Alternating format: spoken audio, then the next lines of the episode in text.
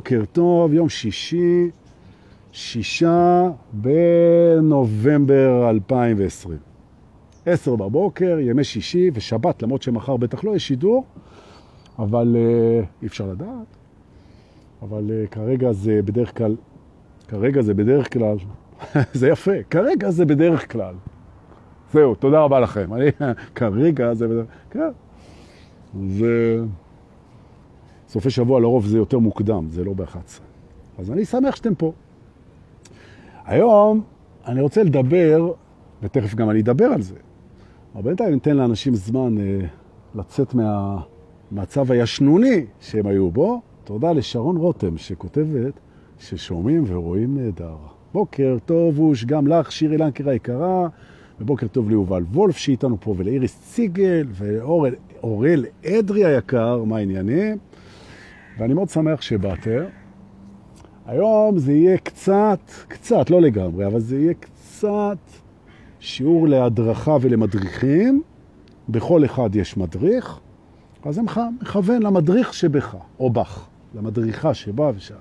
אני אוהב בימי שישי לעשות שיעור שהוא באוריינטציה הדרכתית קצת, כי זה מקל לי על תחושות האשמה האיומות, לא באמת. על זה שאני מתעצל לפתוח את קורס המדריכים שכולם רוצים ומחכים, ואין לי כוח, מודה, עצלן, מה לעשות? ואני אשלם על זה. אז במקום זה, במקום זאת, אני נותן פיצוי עלוב יחסית, ונותן קצת רצפים של הדרכה פה בזה, ומקווה שזה, שזה יחזיק בינתיים. אז בעצם אנחנו היום לוקחים, בוקר טוב גם לך, אורנה לוי ולעידן הרן, מה המצב? שלום. תראו איזה בוקר סגרירי, אם כי נעים ויפה ביחד. איזה יופי, חצי לונדוני, חצי משהו. בטח ירד מתישהו גם איזה גשם, אבל בסדר. הכנתי לי מראש פה איזה כזאת אה, שמשייה גדולה כזאת נגד גשם, ונראה לי שהכל בסדר. בואו נעלה על הכרכרה המשופצרת שלנו. או כמו שאיתן פרחי קרא לה, הדודג' דארט, מי שנולד בשנות ה-60 או בתחילת ה-70 בוודאי זוכר את הדודג' דארט האלה, ונעלה, ונעלה על זה, כמו שהיה גם סובארו פשע ופיאט 127 ועוד כל מיני אייקונים מוטוריים אה, של שנות ה-60 וה-70 ועל הכיפק. ועכשיו אנחנו יכולים להתחיל ולנסוע, לנסוע צריך להגיד, עם הנון. אה, לכיוון הבית הראשון שאנחנו עובדים עליו, וזה בית המבחנים. ושוב אני אומר ומזכיר, היום תביאו בבקשה לשיעור את המדריך הפנימי שבכם, זה שמדריך אתכם וגם מדריך את מי שמגיע אליכם להדרכה. אנחנו נכנסים לתוך בית, ה... בית המבחנים היום, וזה גם קשור לשיחת טלפון שהייתה לי עם איזה מישהי מהקבוצה שאני מאוד אוהב הבוקר. היא עברה מבחן אתמול, ודיברנו על זה, אז אמרתי, טוב, בואו נחלוק את הידע עם המבחנים. תראו, הדרך הזאת שאנחנו עוברים, דרך ההתעוררות, היא, כל אחד עובר אותה אחרת. ואין פה חוקים וכללים ואיסורים, ו... אבל יש בוא נגיד את זה ככה, או תקנות, או משהו שנכון או לא נכון, אה, הכל פתוח. אבל יש כמה דברים שהרבה פעמים, לא תמיד, הם חוזרים על עצמם. רוצה להתייחס לזה, ואחד מהם זה שאנחנו נבחנים על המקום שאנחנו הגענו אליו, או שלא הגענו אליו, ואז המבחן יחשוף את זה, אוקיי? עכשיו, מי שמייצר לך את המבחן הזה, בהנחה שזה קורה, וזה לא קורה אצל כולם, זה אתה. אתה בכלל מייצר לך את כל המציאות שלך. עכשיו בוא נגיד, נגיד שעבדת בזמן האחרון על שיעור השלווה. ששיעור השלווה הוא בנוי על היכולת שלך לקבל את הקיים, את מה שיש כרגע. כי שלווה זה קבלת הקיים. מה ש... הרגע הזה, לקבל אותו, לגמרי. עכשיו, אם אתה מקבל אותו בלי התנגדות, בלי קשר לרצונות שלך, לזיכרונות שלך, לפחדים שלך, לטראומות שלך, לתשוקות שלך, לאיומים שלך, לפחדים שלך, אתה, אתה מקבל קודם כל את הרגע הזה שאנחנו יושבים פה ביחד, מקבל אותו לגמרי. לא, כן, אבל מה יהיה, מה היה? אבל רגע, שש, אני פה ואני מתרגל שלווה. אז באיזשהו שלב אתה אומר, בואי נע... למדתי את שיעור השלווה, למדתי לקבל את הקיים. זה לא סותר את העובדה שאני מנסה לשפר את הקיים כדי שהעתיד ייטיב איתי ועם הסביבה יותר. גם הרצון לשיפור קיים, גם אותו אני מקבל. הוא לא אמור להפר את שלוותי. מצבו הבסיסי של הער, מי שנמצא בערנות ויודע מי הוא, נזכר, זו שלווה ושמחה ואהבה. בעצם זה היעלום המשולש, אם תרצו. התודעתי של הבן אדם הער, שלווה, שמחה ואהבה, וזה לא משנה הסדר. אוקיי? עכשיו, שלווה, שלווה מושגת בידיעה העמוקה שהתנגדות לקיים לא משרתת אותך, כי אתה לא תצליח לשנות את ההווה. אתה יכול להשפיע על העתיד, לעשות דברים אחר. אבל אתה לא יכול לשנות את ההווה, רק את העתיד, ולכן אין מה להתנגד לו. פשוט אתה מנסה לשפר את העתיד, אבל אתה לפני זה מקבל את ההווה, וזה שיעור השלווה, אוקיי? עכשיו נגיד שתרגלת את זה, חודש, חודשיים, שנה, שנתיים, עשרים שנה, והגעת לשם, והכרזת על עצמך, אני יודע להיות בשלווה. בנקודה הזאת, אצל הרבה אנשים, יופיע מתישהו מבחן. והמבחן הוא בדרך כלל, וכל מה שאני אומר פה הוא, הוא לא מוחלט, אבל הרבה פעמים המבחן של השלווה לוחץ במקומות הכי רגישים שלנו. כאילו אמרנו לאלוהים, אנחנו מוכנים, תבחן אותנו, הוא נמצא בפנים, כן? והוא אומר, אין בעיה, אז תחכו קצת כדי שלא תהיו מוכנים, כן? ואז הוא לוחץ. אז הוא לוחץ הרבה פעמים על הטראומות, על הכסף, על הבריאות, על המשפחה, על החברים, על הקשרים. על... הוא לוחץ שם, כי זה המקומות של זה. טראומות הילדות. הרבה פעמים על הצלקות הרגשיות שלנו, כי זה המקום שגורם לנו לאבד את השלווה. נכון. ופתאום אנחנו חווים מפולת במתח, בלחץ. פתאום אנחנו נכנסים לסטרס. ואז מתבצע בעצם המבחן, האם אתה רואה, מתבונן, עד, צופה באגו שלך, ב mind שלך, צולל אל תוך המתח, ובעצם מקבל הרגשה של פחד, לחץ, מתח, חרדה, דיכאון. בעצם הוא יצא משלוותו בהרגשה, ההרגשה אינה שלווה, בעוד שאתה מתבונן בהרגשה הלא שלווה מתוך מקום שלו. עברת את המבחן. נכון. מה שיפה בזה, שברגע שאתה מצליח לעשות את זה, אתה גם מגלה שהילד הפנימי שלך, האגו שלך, ה mind שלך, מה שהם הכי היו רוצים זה שאתה תשמור על השלווה בזמן שהוא מתרסק. כי אז אתה יכול לבוא ולחבק אותו, ואתה יכול לבוא כמו הורה אל הילד הפנימי שלך, שעכשיו לחצו לו על הטראומות, או על הלחצים, או על הפחדים, ואתה יכול לחבק אותו ולהרגיע אותו ממקום של שלווה. מאיפה מגיעה השלווה שלך? השלווה שלך מגיעה מתוך השיעורים שעברת, חלקם גם איתי פה, איתנו, שאתה זה לא הגוף שלך, ולא השכל שלך, ולא הזיכרון שלך, ולא הטראומות שלך, ולא הילדות שלך, ולא התדמית שלך, ולא הכסף שלך.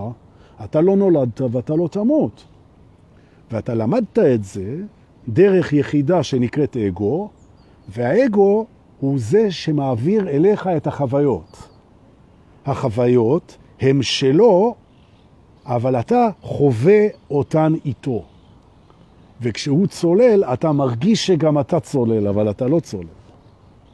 נכון. הוא צולל כי הוא נולד והוא ימות, והוא תדמיתו, והוא זיכרונו, והוא רצונו, והוא תשוקותיו, ואתה מתבונן, נכון? הוא שלך, הוא לא אתה.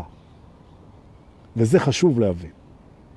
המקום הזה, שבו הוא צולל ואתה מתבונן בזה, בעצם ה buffer זה נקרא. הרווח, המרווח, the gap, mind the gap, בינך לבין ההרגשה שלך. המקום שבו אתה מרגיש שאתה נופל, צולל, נמתח, כועס, מפחד, נבהל בטראומה, לבין זה שאתה אומר, זה שאני מרגיש את זה, זה לא אני, זה האגו שלי. ומה שהוא הכי צריך זה שאני אתייצב בשלווה, אזכר מי אני באמת, ואחבק אותו, וארגיע אותו, ואאפשר לו להרגיש את מה שהוא רוצה, אתן לו מקום, ואלווה אותו בקצב שלו, תוך שאני תומך בו ונמצא שם, חזרה אל ההרגשה הטובה, בלי לחץ. נכון. זהו המבחן בנושא הזה. וזה מבחן שזה שעברת אותו פעם אחת או פעמיים או ארבעים פעם, זה לא אומר שאתה תעבור אותו תמיד, כי התעוררות זה משהו שקורה כל רגע מחדש, בדיוק כמו החיים. כי אתה הרי לא תטען בתור מורה רוחני, שוואנס עברת את זה, עכשיו זהו זה. לא. כי החיים גם, וואנס עברתי אותם, זהו, לא. הכל נברא כל רגע מחדש, וגם ההתעוררות נבראת כל רגע מחדש. המתעוררים מתעוררים כל הזמן. ממש ככה, נכון. וחיים כל הזמן. וחווים כל הזמן דרך האגו. אוקיי? זה שהאגו הוא הילד שלך, ושהוא נורא חשוב, והוא מקסים, והוא מהמם, והוא נזר הבריאה, והוא ראוי לכל האהבה שבעולם, וכשהוא היה קטן, הרבה פעמים הוא היה ראוי לאהבה והוא לא קיבל אותה, כי אתה עוד לא היית ער והזדהית איתו, והוא היה לבד. אז נוצר אצלו דפוס שכשהוא נופל, הוא נופל לבד, כי ההורים לא ראו והחברים לא אכפת להם ואני לבד פה. אבל עכשיו זה השתנה. ועכשיו יש לו הורה פנימי עד יום מותו. ידע לו האגו של המתעורר. להיות אגו של מתעורר, שזה בעצם פיצול של האגו, כי האגו הוא זה שמתעורר. הוא פשוט לא יכול לדעת את זה, כי אין לו נקודת ייחוס. אוקיי? אתה תהיה נקודת הייחוס שלו. ואתה תזכיר לו שאפשר לראות את הדברים אחרת, וזה בסדר לגמרי להישבר וליפול ולפחד ולהרגיש לו אהוב ולגוע בכאב ולהינטש, זה בסדר. זה המסלול של החיים, זה הסרט. ויש מקום לדרמה אצלו, ואתה תחבק אותו עם הדרמה. אצלך יש מקום לדרמה אם בא לך על זה. זה נכון. אצלו יש מקום לדרמה, כי מבחינתו זה כל מה שיש. אוקיי? יום אחד האגו מגיע לדרגה כזאת של התעוררות, וזה יכול לקרות, שהוא מצטרף אליך ומדבר על עצמו. זאת אומרת, בעצם נוצר איזה מין מצב שהוא מדווח לך במשבר שהילד הפנימי שלו נשבר והוא רואה את זה וזה בסדר. זאת אומרת, מתפצל עוד פעם, אבל זה לא משנה. מה שחשוב זה הידיעה. אנחנו, זה לא הרגשות שלנו, למרות שאנחנו מרגישים אותם. וזה שאנחנו מבינים שאנחנו זה לא הרגשות שלנו, זה לא הכחשה ולא הדחקה ולא התרחקות ולא התעלמות, בטח לא התרחקות. ההפך, בזה שאנחנו רואים שאנחנו זה לא הרגשות שלנו, אגב, בדיוק כמו שאנחנו זה לא הילדים שלנו. כשהילד שלי חוזר בוכה מבית ספר, זה שובר את ליבי, נכון? מתוך ההזדהות שלי איתו. אבל זה לא אני חזרתי בוכה מבית ספר. זה הוא, ומה שהוא צריך ממני זה את החיבוק האוהב וההרגשה שהכל בסדר, ולא את האוי, ממי, אני שבור איתך. ואם אני נשבר איתו, אז uh, ברגע הזה לא הייתי ער, וזה בסדר. זה בסדר. כי זה כבר חלף. ומה עכשיו? ולכן אותה בחורה מהממת שדיברה איתי היום בבוקר, היא הסתובבה סביב הנושא הזה של וואי, לא, לא הצלחתי, לא הצלחתי. מה זה, מה, מה זה משנה מה היה? איך עכשיו איך אנחנו עכשיו? וואי, אני מזדהה עם אין בעיה. ועכשיו? ועכשיו? ועכשיו. נושמים. מהצד השני, יש את הרגע שאתה עובר את המבחן. זה רגע ענק. אתה אומר, וואי, אני הרגשתי משבר בתוכי, נתתי לו לקרות, התבוננתי בו וחוויתי אותו באותו הזמן, התעוררות מלאה. אפשרתי לו להתגלגל בתוכי תוך שאני תומך בו ולא דוחק בו. נשמתי אל תוך הכאב. נזכרתי יותר ויותר מי אני ומי הוא. נתתי לו תמיכה אנרגטית של אור, הכלה, הקשבה. דיברתי אליו אמת, הראיתי לו את הכוונה. למדנו ביחד את השיעור, ראינו את האהבה במשבר, אמרנו עליה תודה בזמן שנוח לאגו, ויצאנו מזה ביחד בחיבוק גדול, ומי שעבר את זה, ואתם עברתם את זה הרבה פעמים, זו תחושת סיפוק עילאית, מטורפת, מדהימה ומחזקת. מדהים, מדהים, מדהים, מדהים. ולפיכך, משברים הם בחינה למתעורר, ועל כך יש להודות. כשאתם מזהים משבר, תגידו, כן, אני במשבר, קודם כל תודה. למה תודה? אני אתרגל עכשיו את הבחינה הזאת מתוך מי שאני באמת, והללויה, יבואו נא המשברים ללמדנו. נכון. האגו לא מת על זה, כי הוא סובל, הוא מתנגד למשבר. אבל יום אחד הוא מצטרף אליך ואומר, יאללה, מה זה החיים? זה סרט, סרט עם עליות וירידות. ברגע שאנחנו מבינים שאנחנו בכל רגע נתון יכול הכל להתרסק, וזה גם יקרה מתישהו, אז אה, אנחנו מוכנים. ואתם תראו שבמהלך הדרך אתם תשתמשו במשברים כדי להיבחן על השלווה, על השמחה ועל האהבה ועל היכולות הטיפוליות וההדרכתיות שלנו, וזה מדהים. מדהים, נכון. כדאי לקרוא את הספר, את הסיפור של איוב, שאיוב הוא באמת הדוגמה המדהימה ביותר לדבר הזה, שהוא באמת ממקום של איגרא רמא, הוא לא נפל לביקתא עמיקה, מלמעלה, הוא לא נפל למטה, הוא נפל להכי למטה שאפשר, כולל ברמה הגופנית, הכלכלית, החברתית, באמת, ריסוק מלא.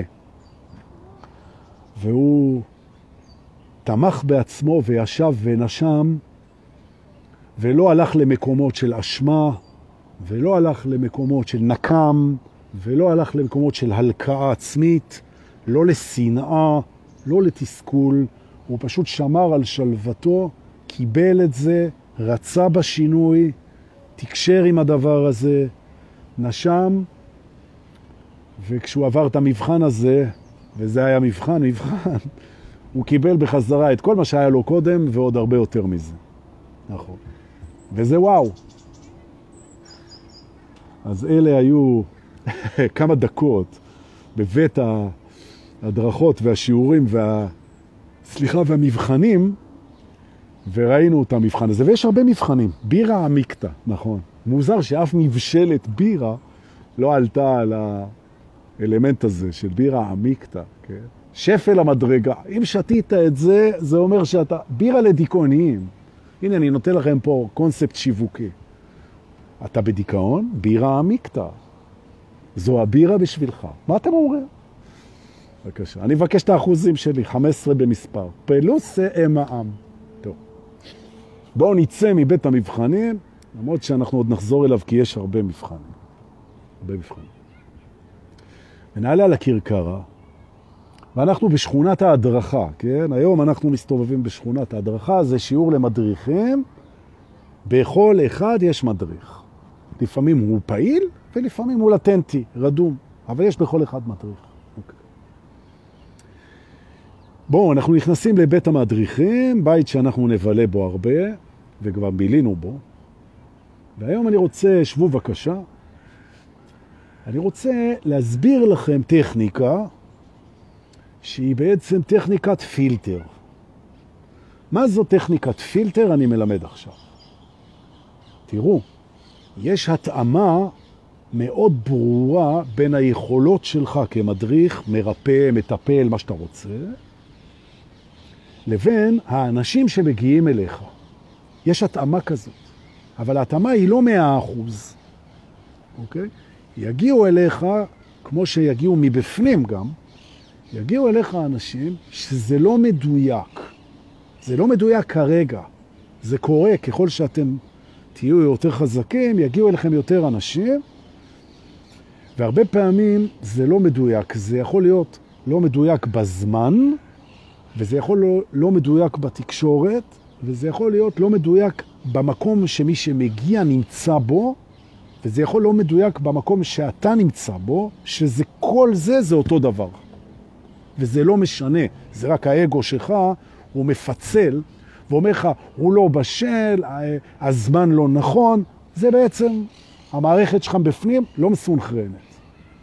זה גם מבחן, אוקיי?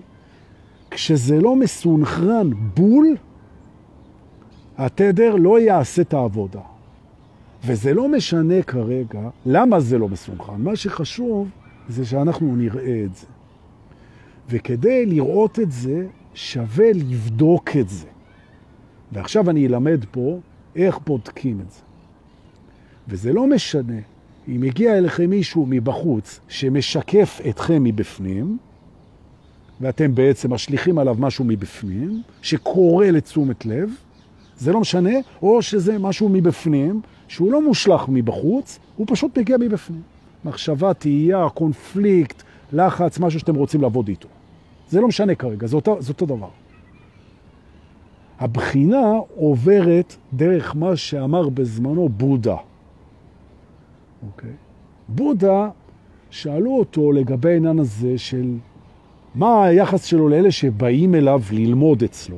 ומדובר פה לא בריפוי, סתם ריפוי זה, זה, זה מתפיסה, כי הוא בסדר, כולם בסדר, הכל בסדר. זה לא ריפוי, ריפוי זה figure of speech. מדובר פה בהיזכרות, בהיזכרות של אמת, בדיוקים, ברצפים של אור, וזה fine tuning. עכשיו, אם מגיעים אליכם אנשים, איך בודקים אם זה מדויק עכשיו? ואני מלמד פה כמה שיטות, יש מלא שיטות. וכדאי לבחור שיטה אחת או שתיים ולבדוק את זה. אוקיי? השיטה שאני הכי אוהב היא בעצם לזכור שמדובר פה בתהליך של שינוי. זאת אומרת, גם אם זה בא מבפנים וגם אם זה בא מבחוץ, שזה אותו דבר, מדובר פה בשינוי אנרגטי, דיוקי, התמרה. יש צורך לבדוק עם הבן אדם שמגיע אליך, או עם הרגש שמגיע אליך, האם יש מוכנות לשינוי אמיתית. זאת אומרת, לשנות. האם הבן אדם שמגיע אליך הוא בא לשנות. עכשיו, כדי שזה יהיה כן, באתי לשנות, בעצם הוא חייב, או אתה חייב, תלוי אם זה בפנים או בחוץ, למצוא את נקודת האמון. ואני אסביר עכשיו מהי נקודת האמון. הטיפולית, או הריפואית, או ההדרכתית, או הקוסמית. נקודת האמון זה המקום שבו נוצר קונפליקט בינך לבין המודרך שלך. נוצר קונפליקט. אתם רואים את זה אחרת. הוא רואה את זה בצורה אחת, אתה רואה את זה בצורה אחרת. עכשיו, מאחר והוא בא להדרכה אצלך, או אם אתה הולך להדרכה אצל מישהו, אז בעצם הקונפליקט הוא בינך לבינו כמדריך. זה לא משנה, אוקיי? נקודת האמון בהדרכה היא שבזמן קונפליקט, בהנחה שאין הסכמה, הדרך של המדריך מקובלת על המודרך. זאת אומרת, אם לא מסכימים, אז מסכימים שהמדריך מנחה. עכשיו, אם המודרך הפנימי או החיצוני מתעקש על זה שהמדריך טועה ומטעה, והוא מתעקש על זה, הטיפול לא בשל. הוא לא בשל, אלא במקרה אחד בלבד, וזה המקרה היוצא מן הכלל, שהדבר שבשבילו הוא בא אליך זה בשביל לטפל בזה. בזה שהוא לא מסוגל להשתנות בגלל שהוא לא סומך על ההדרכה שלו. זה העניין. עכשיו, מה האינדיקציות? אנשים שלא סומכים על ההדרכה שלהם, יש להם כמה אינדיקציות שמראות את זה, ואם אתם כבר נתקלתם בזה. בדרך כלל הם חולי שליטה, הם מאוד מאוד מאוד מאוד אינטליגנטים, ובדרך כלל הם גם מדריכים מעולים. נכון? נכון. זה אנשים שהם פשוט מדריכים מעולים, בשמחה היית הולך להיות מודרך שלהם, אבל כשזה מגיע אליהם, הם לא פתוחים לשחרר את השליטה ולסמוך עליך. מה שלא מפריע להם להיות מדריכים מצוינים. יש להם ביטחון עצמי ביכולת שלהם, יש להם אינטליגנציה גבוהה, רגישות וסל כלים מטורף. אבל כשהם באים להיות מודרכים, אז הם לא נותנים את האמון למדריך שלהם, סומכים על עצמם. מה שהופך אותם, אגב, למדריכים טובים, אבל הם מודרכים חלשים מאוד. זאת אומרת, אתה תגלה מישהו שהוא אוטודידקט, מישהו שהוא לומד מצוין, יש לו יכולות פגז, הוא מדריך נהדר, והוא מודרך חרה. מה לעשות? כמובן אני צוחק, כן? וכשאתה תדרוש ממנו את ההתמסרות בזמן הקונפליקט, הוא לא ייתן לך את זה. הוא יגיד לך, לא, אתה, לא, תקשיב לי, הוא יגיד לך. הכל. עכשיו כאן יש בעצם למדריכים שתי אפשרויות.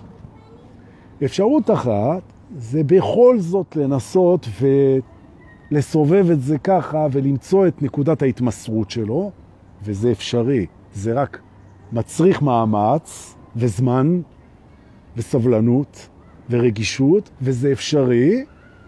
זו אפשרות אחת, והכל אפשרי.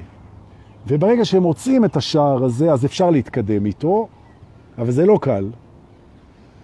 ויש את האסכולה השנייה של האנשים שאין להם כל כך את הסבלנות, ועכשיו, רגע, אני מוציא את האגו שלי, שנייה רגע, עכשיו שורת האגו שלי.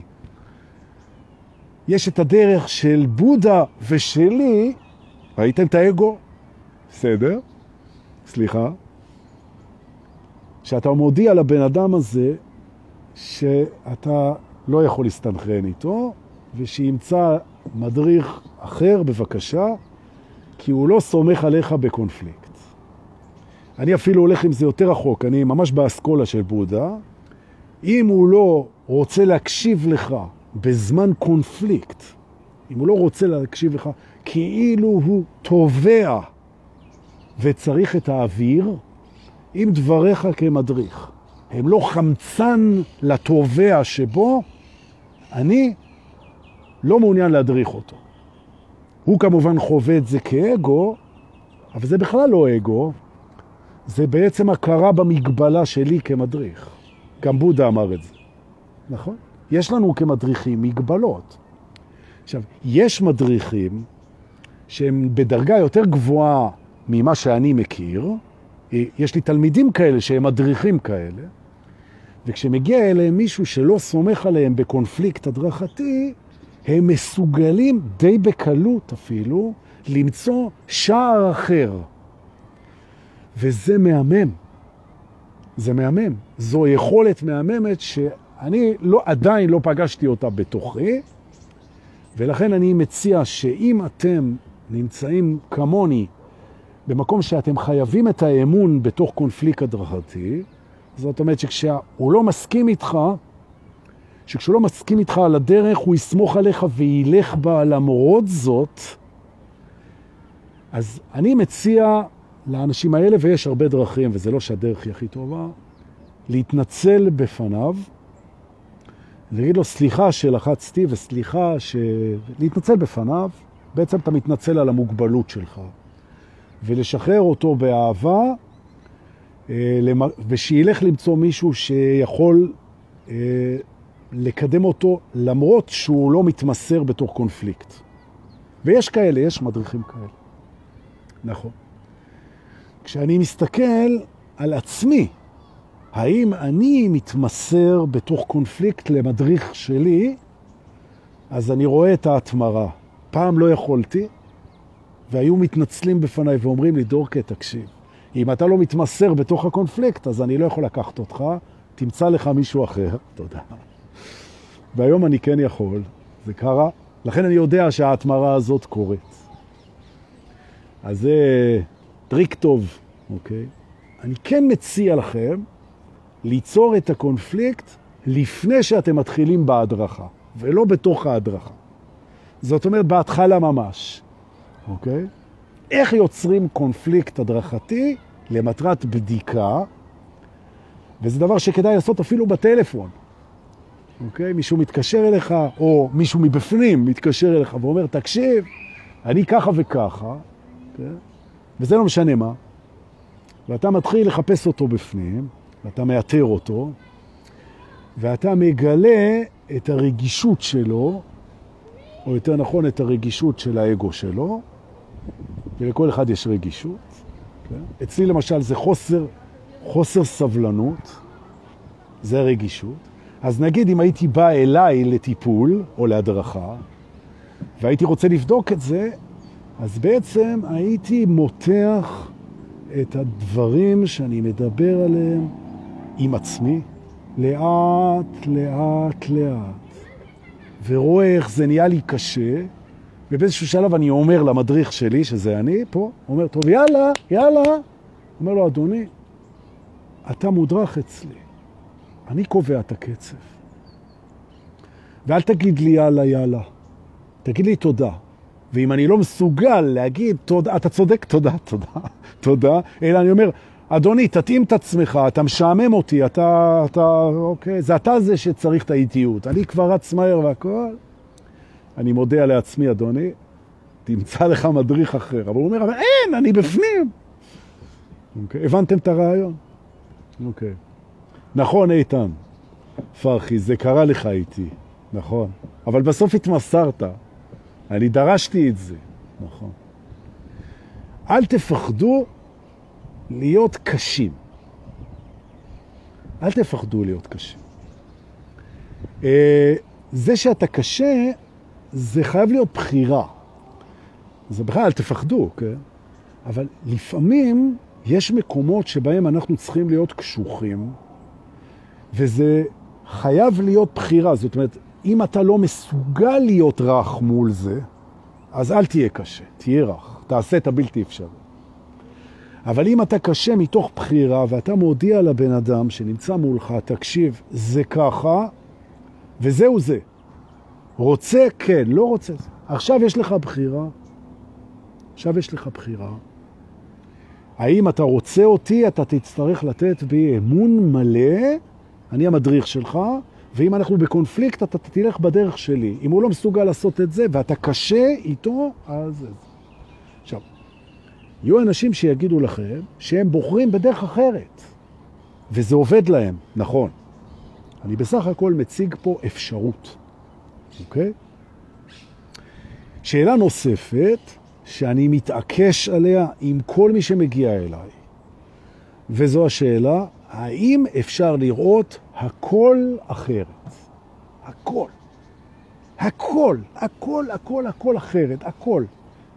נכון? האם יש פרספקטיבה שאי אפשר להחליף אותה? ואם הוא אומר, הוא חושב, והוא אומר, כן, יש דברים שאי אפשר לראות אותם אחרת, אז אני מבקש שהוא יגיד לי מה. ומאחר ואין כזה דבר, אז הוא מתפתל. עכשיו, למשל, כשהוא מסתכל עליך, והוא בעצם רואה את ההתנגדות שלו אליך, כי אגואים לא אוהבים להיות בהדרכה, כי הם חווים נחיתות, וזה דבר פופולרי, אז בעצם ההתנגדות שלו נובעת מתוך הנחיתות שלו, והאם הוא מסוגל לראות את זה, לא שזה ככה. ואז אתה אומר לו, יכול להיות שאתה מתנגד אליי כי אתה חווה נחיתות? הוא אומר, לא, זה לא ככה. אני אומר, אפשר לראות את זה? לא, אי אפשר לראות, אבל אפשר לראות כל דבר אחרת. אפשר לראות את זה ואפשר לראות זה אחרת. אבל אפשר לראות את זה, אם הוא לא מסכים לראות את זה, שילך לחפש מדריך אחר. נכון. כי אנשים מפחדים לראות את האפשרות שהם מגיבים מתוך נחיתות. אתה חייב להיות מסוגל לראות את זה גם בעצמך, נכון? אז הרבה פעמים תבדוק, כשקמה בך התנגדות, תבדוק אם אתה לא פגשת בעצם את הנחיתות, ויש בנו נחיתות כמו שיש בנו עליונות, אוקיי? אז אם אין בך את זה, וזה לא קיים, ואתה לא מוכן לפגוש את זה, וזה איננו, והוא אומר לך, המדריך, שזה יכול להיות, ואתה מתנגד לזה, אז הוא אומר לך, תסמוך עליי. ואם אתה לא מוכן לסמוך עליו, ואתה... אז כנראה שאתה צריך למצוא לך מדריך אחר. נכון. אוקיי. עוד שיעור היום בבית ההדרכה עבורכם. אוקיי? יש שלב שבו מודרכים יכעסו עליך. כשמישהו בא להיות מודרך שלך, גם אם אתה מדריך את עצמך, יש שלב של כעס. אוקיי. כעס הוא תוצר של פחד. אוקיי. ההתקרבות אל האמת היא מפחידה את האגו. למה? כי האמת היא שהאגו לא אמיתי. זה מפחיד אותו כי זה הורג אותו. זה הורג אותו, זה מחסל אותו בעיני עצמו. נכון? זה שהוא חשוב והוא מקסים, והוא הדבר הכי מדהים שיש בבריאה, זה לא מעניין אותו. אם הוא לא אמיתי, והוא לא אמיתי כי הוא זמני, אז זה מפחיד אותו נורא. ואם השיפוטים שלו הם לא נכונים, והוא אחוז בהם, ואם המחשבות שלו הן לא אמיתיות, והוא אחוז בהם, ואם התדמית שלו היא לא קיימת, והוא אחוז בה, ואתה מקרב אותו לאט לאט לראות את זה, הוא מתחיל לפחד, ומאחר והוא לא אוהב להיות בפחד, והוא לא מקבל את עצמו כפחדן, אז הוא כועס.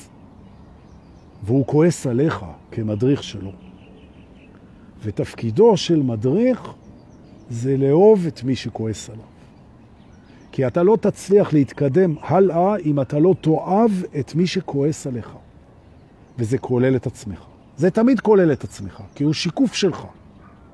זאת אומרת, ידע לו מדריך בתוך הבית ספר שלנו פה. אלה שכועסים עליך ראויים לאהבה. כעס מותמר אצלנו לאהבה. הוא יחווה את זה כהתנשאות. כי כשהוא כועס עליך ואתה אוהב אותו, אז זה לא משיג אצלו את הפורקן הזה שהוא רוצה, שנקרא התרחקות. כי מבחינת האגו, כעס זה דבר מרחיק. זו הסיבה שהוא כועס עליך, כדי להרחיק אותך. למה הוא מרחיק אותך? כי אתה מבטל אותו, אבל אתה לא מבטל אותו.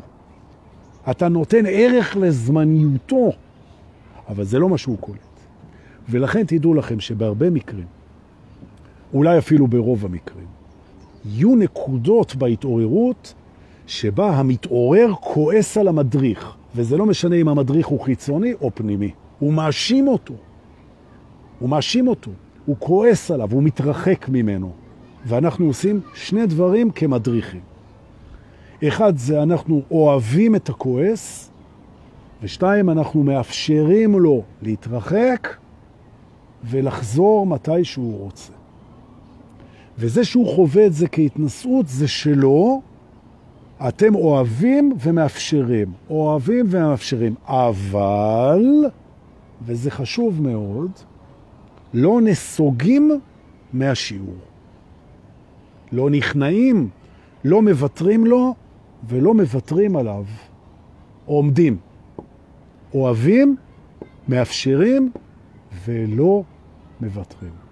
וזה יכול להיות בפנים, וזה יכול להיות בחוץ. עכשיו אני רגע רוצה לדבר על אלה שהם המדריכים של עצמם, לא של מישהו בחוץ. כשיש לך אגו שהוא קיצוני תנודתי, מה שהרבה פעמים פסיכולוגים אוהבים להבחן כבייפולר או כל אבחון שתרצו. בעצם אבחון שאומר שאתה מפוצל באנרגיות שלך. קיצונית. לפעמים אתה מאני דפרסיבי, אוקיי? זה הכל הגדרות מתוך ה-DSM, שזה ספר פסיכולוגי, של אבחון פסיכולוגי, וזה רק נותן לנו מושג קלוש לרעיון שאומר שלפעמים יש אגואים שהם עולים נורא גבוה בחוויה ויורדים נורא נמוך. ויום אחד הוא בהיי משוגע, ויום אחרי זה הוא רוצה למות, אוקיי? והאגו הזה, שהוא אגו, זה מה שמאפיין אותו, הוא קיצוני. הוא מגיע אליך מבפנים, כי אתה המטפל שלו, ואני מדבר על אנשים שהם המטפלים של עצמם, המרפאים של עצמם. והוא עולה ויורד מאוד מאוד חזק, ואתה הרי מייצג אמת, והאמת היא לא משתנה. האמת היא יציבה. ובעצם אתה רוצה רגע שהוא יתייצב. וכדאי להבין שהוא יציב בתנודתיות שלו. אתה לא אמור, בהדרכה של אגו קופצני, אתה לא אמור שהוא יפסיק להיות קופצני. זה מי שהוא. אתה אמור שהוא יאהב את עצמו גם כשהוא למעלה וגם כשהוא למטה. זוהי היציבות ולא זה שהוא נמצא למעלה ולמטה וזה לא בסדר. וזה טעות של מדריכים שהם מנסים לייצב את האגו, בעוד שמה שמייצב אותו זה זה שהוא אוהב את עצמו גם למעלה וגם למטה, ולא זה שהוא נמנע מקצוות. וזו גם הסיבה שאנשים שלוקחים טיפול תרופתי של ציפרלקס או לוסטרל או SSRI בהכוונה רפואית, בעצם מה שהכדורים האלה עושים, הם בעצם מצמצמים את התנודתיות של האגו בהרגשה, לא נותנים לו לשקוע מאוד נמוך ולא נותנים לו לעלות מאוד למעלה. אבל זה לא הריפוי, זו רק התחזוקה. זה רק מאפשר לך לעבוד על המקום הזה שאתה צריך וכדאי לך, ואתה גם רוצה, לשפוך על עצמך אהבה גם כשאתה למעלה וגם כשאתה למטה וגם כשאתה מאבד אחיזה וגם כשאתה קטן וגם כשאתה גדול וגם כשאתה לבד וגם כשאתה לא יודע. והסיבה שאתה לא מצליח לעשות את זה, זה כי יש משהו שקורה מבפנים להכרה רגשית ולא הסכמת לחוש בו. כי לא יכולת. ובדרך כלל זה או כעס נוראי שאתה מפחד שאם הוא ישתחרר הוא ישרוף הכל, או פחד נוראי שאם הוא ישתחרר הוא ישרוף הכל, או לחץ נוראי שאתה לא מוכן לפגוש אותו, או אובדן נוראי שלא היית מוכן לפגוש אותו, והוא בעצם לא מאפשר לך לפגוש את התחושה הזאת ולאהוב אותה. ומאחר ויש מנגנון ריפוי טבעי בפנים, זה מריץ אותך למעלה למטה, אליו ובחזרה. אליו ובחזרה. אוקיי? מאוד חשוב לעשות את זה בשלבים. היציבות היא בהתייחסות האוהבת לאיפה שאתה נמצא בכל רגע נתון, ולא שאתה תמיד תימצא באותו מקום. הבנתם את זה? זה מאוד חשוב. יופי. אם את מטופל הפנימי לא סומך עליך ברגע הקונפליקט, זאת אומרת, הוא מתחיל להתרוצץ למטה, והוא אומר, אה, והוא נכנס לדרמות שלו, ואתה בא לאהוב אותו, והוא לא מוכן לקבל את אהבתך, ואתה אומר לו, ואתה אומר לו, תסלח לי, אבל אתה צריך לסמוך עליי עכשיו, ותקבל אהבה כשאתה במקום הנוראי הזה, ואתה כולך ככה, תבוא לחיבוק, תסמוך עליי עכשיו. ועכשיו מתחבקים. ועכשיו נושמים ביחד. ועכשיו נזכרים בשיעורים ובאהבה, ועכשיו פוגשים את, ה, את הדברים. בנקודה הזאת, אם הוא לא מוכן לסמוך עליך, והוא מתפרע והוא הולך לדרכו, אז עוד לא. לשחרר. נכון, היציבות אומרת יונית שיין וצודקת, היא בהתייחסות האוהבת למצבים התנודתיים שלך, ולא בניסיון לרסן אותם. זה חלק ממך. ויש מתנה גדולה בתנודתיות, לא רק קושי. נכון. והוא צריך לסמוך עליך. טוב, הנה הקיוסק פה מתעורר. עכשיו זה מדהים, אין להם פה אף אחד, אבל הם עושים רעשים כאילו הם בלומפילד. מדהים. וזה מקסים. זהו חברים. אז זה היה הביקור שלנו היום בבתי ההדרכה והמבחן. זה היה היום יותר למדריכים. אני אחזור כנראה ביום ראשון לתת uh, תכנים שהם יותר קשורים לתכנים האחרים. Uh, ואני מקווה שעזרתי לכם במשהו. תודה שבאתם. תודה שאתם בדרך. תעזרו אחד לשני ולעצמכם. תסכימו לטעות. Okay. אוקיי. הכי חשוב זה לאהוב את עצמנו ללא תנאי.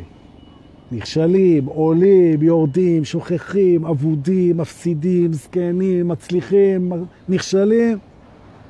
אהבה, קבלה ולרצות בטובתנו. תודה רבה, שיהיה לנו אחלה סוף שבוע. אנא שתפו אם זה נראה לכם ראוי. אנחנו נתראה בקרוב. שבת שלום.